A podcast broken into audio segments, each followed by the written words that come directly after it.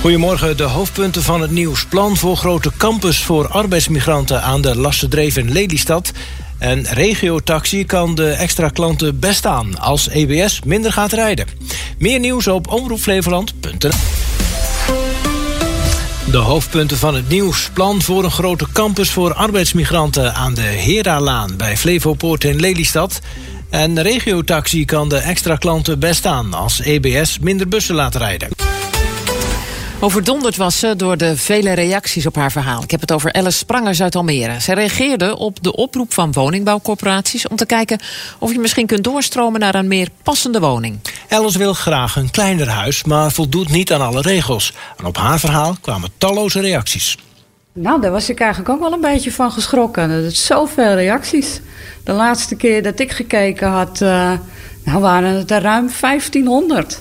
Dus ik had niet verwacht dat er zoveel op zou komen. Betekent wel dat er dus wel heel veel speelt in Almere als het op wonen aankomt. Het zijn vooral reacties van herkenning en mensen die niet begrijpen dat Alice, die moeilijk ter been is en daarom een WMO-indicatie heeft ontvangen van de gemeente, maar geen geschikte woning kan krijgen.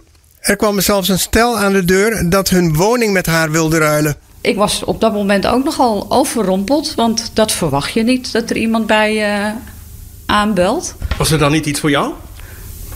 Nou, het punt was dat het de woning in Almere Haven is. En ehm, mijn voorkeur gaat toch eigenlijk wel uit naar Almere stad. Het liefst gewoon in deze wijk.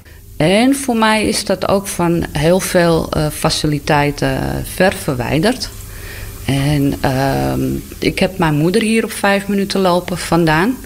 En daar doe ik af en toe wel eens wat kleine dingetjes voor. En als er iets met haar is, dan is het niet heel fijn dat je nog zo ver moet reizen. Alice kwam uiteindelijk ook in contact met de gemeente. Wethouder Lindenberg van Wonen zei namelijk in een interview met Omroep Flevoland dat hij graag hoort waar mensen tegenaan lopen. Dat, ik heb eerst zelf een poging gedaan om in contact te komen. Dat is niet uh, gelukt. Ik kreeg de, uh, de opdracht om te mailen. Daar heb ik geen antwoord op gekregen. En uh, Omroep Flevoland benaderde mij met een telefoonnummer van de woordvoerder van de wethouder. En zodoende ben ik in contact gekomen door zelf te bellen. En heb je hem gesproken? Ik heb alleen de woordvoerder gesproken, en niet de wethouder zelf. Er kwam wel een mogelijke oplossing ter sprake een traplift voor een moeilijk lopende Alice. Maar die zie je doorgaans niet in een appartementencomplex. Er waren wel een aantal reacties die zeiden van... Uh, ja, maar dat kan ook in een appartementencomplex. Um, daar heb ik ook met de woordvoerder over gesproken. En die gaat ook kijken van hoe dat dan in elkaar steekt. Of die mogelijkheid er is. En naar aanleiding van het interview sprak ik ook met een buurvrouw... En die heeft uh, toen zij haar scootmobiel kreeg, uh, ook het aanbod gekregen uh, om eventueel een traplift te laten plaatsen. Dus die mogelijkheid bestaat misschien toch nog? Ja, misschien wel ja. Want um, dan heb ik zoiets van, dan is het wellicht raadzaam om met z'n tweeën naar de gemeente te stappen. Want dat zou voor mij ook een hele mooie oplossing zijn. Binnenkort heeft Alice weer contact met de gemeente en ze hoopt nog steeds op een gesprek met wethouder Lindenberg. Ja, met de wethouder eh, zou ik best wel heel graag nog om, om de tafel willen zitten. Want ik denk dat er uh, niet alleen voor mij persoonlijk, maar in heel Almere toch best wel wat knelpunten zitten qua wonen. En ik wil best dan wel ook het gesprek voeren naar aanleiding van de reacties die ik in, het, uh, in de Facebook berichten gezien heb. Alice Sprangers was dat in een bijdrage van verslaggever St. Jones. Je klasgenoten voor de rechter slepen of celstraf eisen tegen je docent. Dat kan sinds kort op het MBO College Poort in Almere. Er is een klaslokaal dat er exact uitziet als een rechtbank. Compleet met een beklaagde bank en een foto van koning Willem-Alexander. Het lokaal heet Legal Lab. Dan hierbij uh, openen wij het uh, Legal Lab. Het Legal Lab op MBO College Poort werd eerder deze week feestelijk ingewijd. Het klaslokaal is helemaal ingericht als een rechtszaal. Met een plek voor de rechter, verdachten, advocaten en deskundigen. Leerlingen zijn er blij mee. Nou, het zit gewoon goed. Ik vind het heel erg cool. Ik vind het geweldig om uh, te oefenen. Want het is natuurlijk geen echte rechtbank, vertelt docent Westhout. Legal Lab is eigenlijk ons juridisch klaslokaal. En daarin willen we de studenten van een juridische opleiding onder andere leren hoe het is ja, om werkzaam te zijn in een, uh, in een rechtlokaal. Volgens mij zijn wij de enige in het land die dit op deze manier hebben ingericht. En daar zijn we heel erg trots op dat we dit aan onze studenten kunnen aanbieden. Ik zag wel rechtbanken in series en shows, maar nog nooit in het echt. Dus dat is wel cool om het ook echt in het echt te zien. Nou, ik denk dat dit natuurlijk meer als de praktijk eruit ziet. Dus dan krijgen we ook daar zo meer um, behoefte aan en motivatie om uiteindelijk te gaan doorleren, bijvoorbeeld, of in de uh, bedrijfsleven te komen uiteindelijk. Onze studenten lopen ook bijvoorbeeld stage bij de rechtbank, bij advocatenkantoren, bij deurwaarders. Dus op deze manier proberen we ze een goed beeld te geven van de verschillende toga-beroepen die er zijn. Er waren ook juristen en advocaten op de opening van het rechtbanklokaal. Advocaat Arno Straver, die in vol ornaat verscheen, vindt de inrichting net echt. Ik heb altijd gezonde spanningen voordat ik een zitting heb. Maar uh, dan plaats je hand op het katheter en dan uh, hou je je verhaal en dan weet je dat het goed komt. En oefening baart kunst. Los van de juridisch-inhoudelijke lessen die ze krijgen, um, gaan we dus ook echt zittingen nabootsen. En gaan we gewoon oefenen ja, hoe de verschillende partijen die betrokken zijn in zo'n zitting, uh, ja, wanneer ze aan de beurt zijn, wat ze zeggen, hoe er gesproken wordt. Ook met dat jargon leren spreken. Uh, en dat ze zich goed bewust zijn van die verschillende rollen. Maar een rol in het verdachte bankje als crimineel, dat willen de leerlingen toch liever niet? Nee, inderdaad. Nee, dat komt wel goed er. Docent Ursi Miranda van de Hogeschool Windesheim Almere is onder de indruk van het lokaal. Het is fantastisch dat we als collega-studies hier in Almere uh, studenten dit mogen aanbieden. En dat de MBO-port dit aanbiedt aan hun studenten vind ik prachtig. Daarom schrijf ik graag aan. Stiekem hoopt ze dat zo'n legal lab ook op Windesheim komt. Wie weet dat we zoiets ook zouden kunnen uh, implementeren. Maar we kunnen natuurlijk ook van elkaars uh, zaken gebruik maken, denk ik zo. samen delen, samen spelen, zeggen ze altijd. Hè? Nou, zo is het ook. Ursi Miranda van Hogeschool Windesheim... over het rechtbanklokaal Legal Lab in het MBO College Poort in Almere. En dan wat je gisteravond hebt gemist op radio en tv. Nou, uiteraard ging het in heel veel programma's uh, gisteravond... over de conclusies van het onderzoek naar grensoverschrijdend gedrag... bij de publieke omroep. In Nieuwsuur bijvoorbeeld was de baas van de NPO, Frederike Leeflang... En zij vertelde waar ze nou het meest van is geschrokken. Nou, er is één pagina waar allerlei uitspraken worden gedaan over uh, van, van slachtoffers. En als je ziet uh, de intensiteit, het verdriet, maar met name ook het feit dat het zo lang heeft geduurd en dat de effecten ook zo lang zijn. Hmm. En dat was ook natuurlijk wat de commissie zei. Ja, natuurlijk trekken wij ons dat aan. Ja. In Sofie en Jeroen was Suzanne Kunseler, directeur van BNN Vara... waar de misstanden bij De Wereld Door al aanleiding waren voor eigen intern onderzoek. Een van de stappen die is ondernomen om de werkcultuur te verbeteren... is een bystander training, jawel. Wie is dat? Geen idee wat ze oh. dan doen, maar uh, die is er wel voor alle collega's. Zodat je ook leert als je in een situatie zit... want dat zitten we allemaal heel wel eens... waar je denkt, niet prettig, uh, ongemakkelijk. Dat je dat dan ook leert dat je dat kan zeggen. En als je dat niet durft, dat je dan naar een collega gaat, dat je dat samen doet, of dat je dat nog drie dagen later doet. Maar je moet echt kleine dingen klein houden en je moet het benoemen, want anders wordt het een cultuur. En dan moeten we echt vanaf. Nou, Oké, okay, de opkomen voor elkaar training kun je het ook noemen. Juist, mooi vertaald. Pointer dook in de overlast van houtkachels. Waar de een een eh, houtvuurtje reuze gezellig vindt... krijgt de ander het er benauwd van. Fleur Vroeling van de Universiteit Utrecht deed onderzoek... naar de korte termijn effecten van houtrook. Wat we zagen is dat als er hoge niveaus houtrook was in de lucht... dat mensen meer last hadden van kortademigheid... en uh, ook dat ze veel meer medicatie gingen gebruiken... En dan moet je denken, uh, mensen die COPD en astma hebben, die gingen dan meer puffjes gebruiken. Maar gezonde mensen gingen dan neussprays of strepsels gebruiken.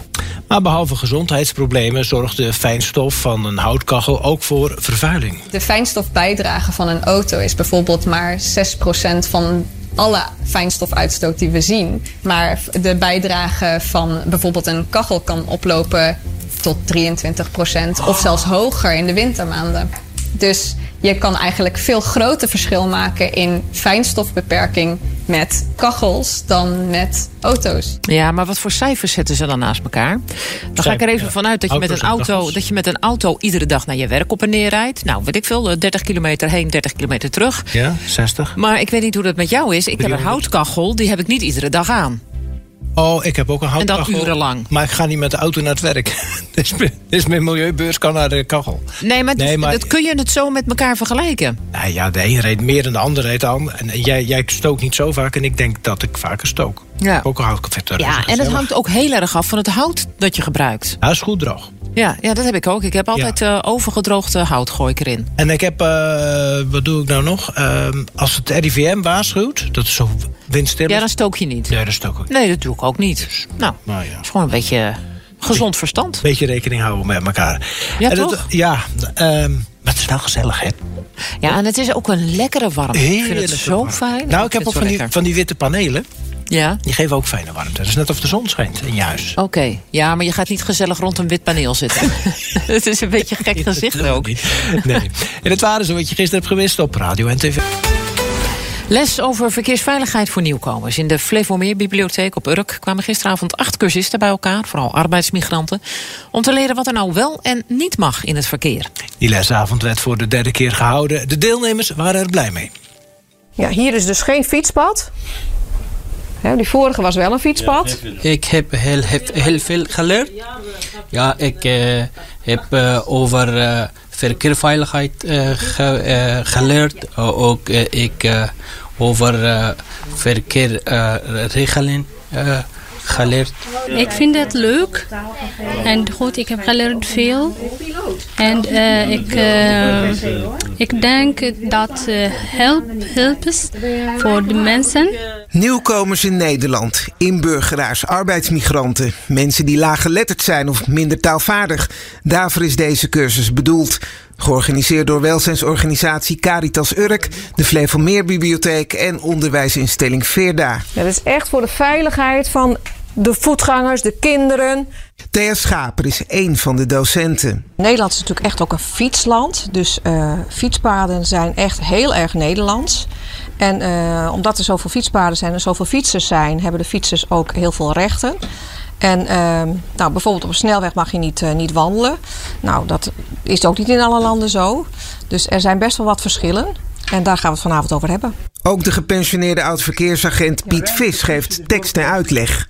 Hier hebben we heel veel soorten verkeer. En heel veel verkeer wordt tegenwoordig geleid over fietspaden. We hebben segways en allerlei andere verkeers erbij gekomen. Inmiddels is de speedpedelec geregeld. Die is naar de rijbaan toegegaan daar, net als, als bromfiets. Maar verder zit er heel veel verkeer op de wegen en op de fietspaden.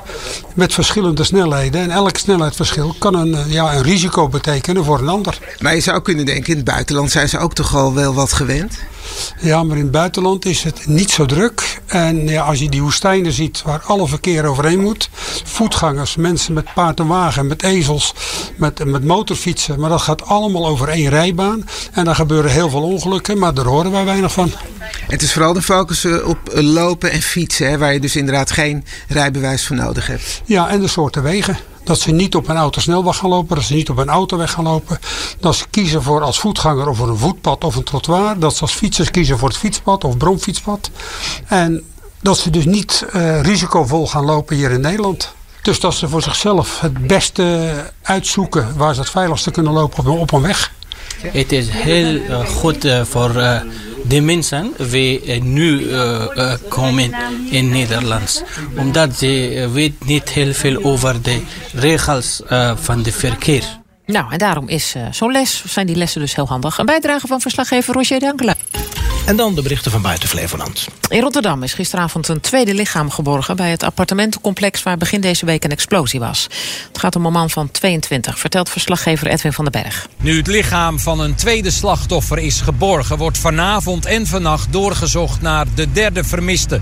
Zijn lichaam ligt nog onder het puin, maar waar precies is niet duidelijk. En daarom worden mogelijk opnieuw speurhonden ingezet. Flink aantal woningen in de straat van de explosie is onbewoonbaar verklaard vanwege de grote schade. De huizen tegenover de verwoeste panden zijn weer vrijgegeven. Het aantal nieuw ontdekte kankergevallen is vorig jaar iets toegenomen. Het waren er 128.000.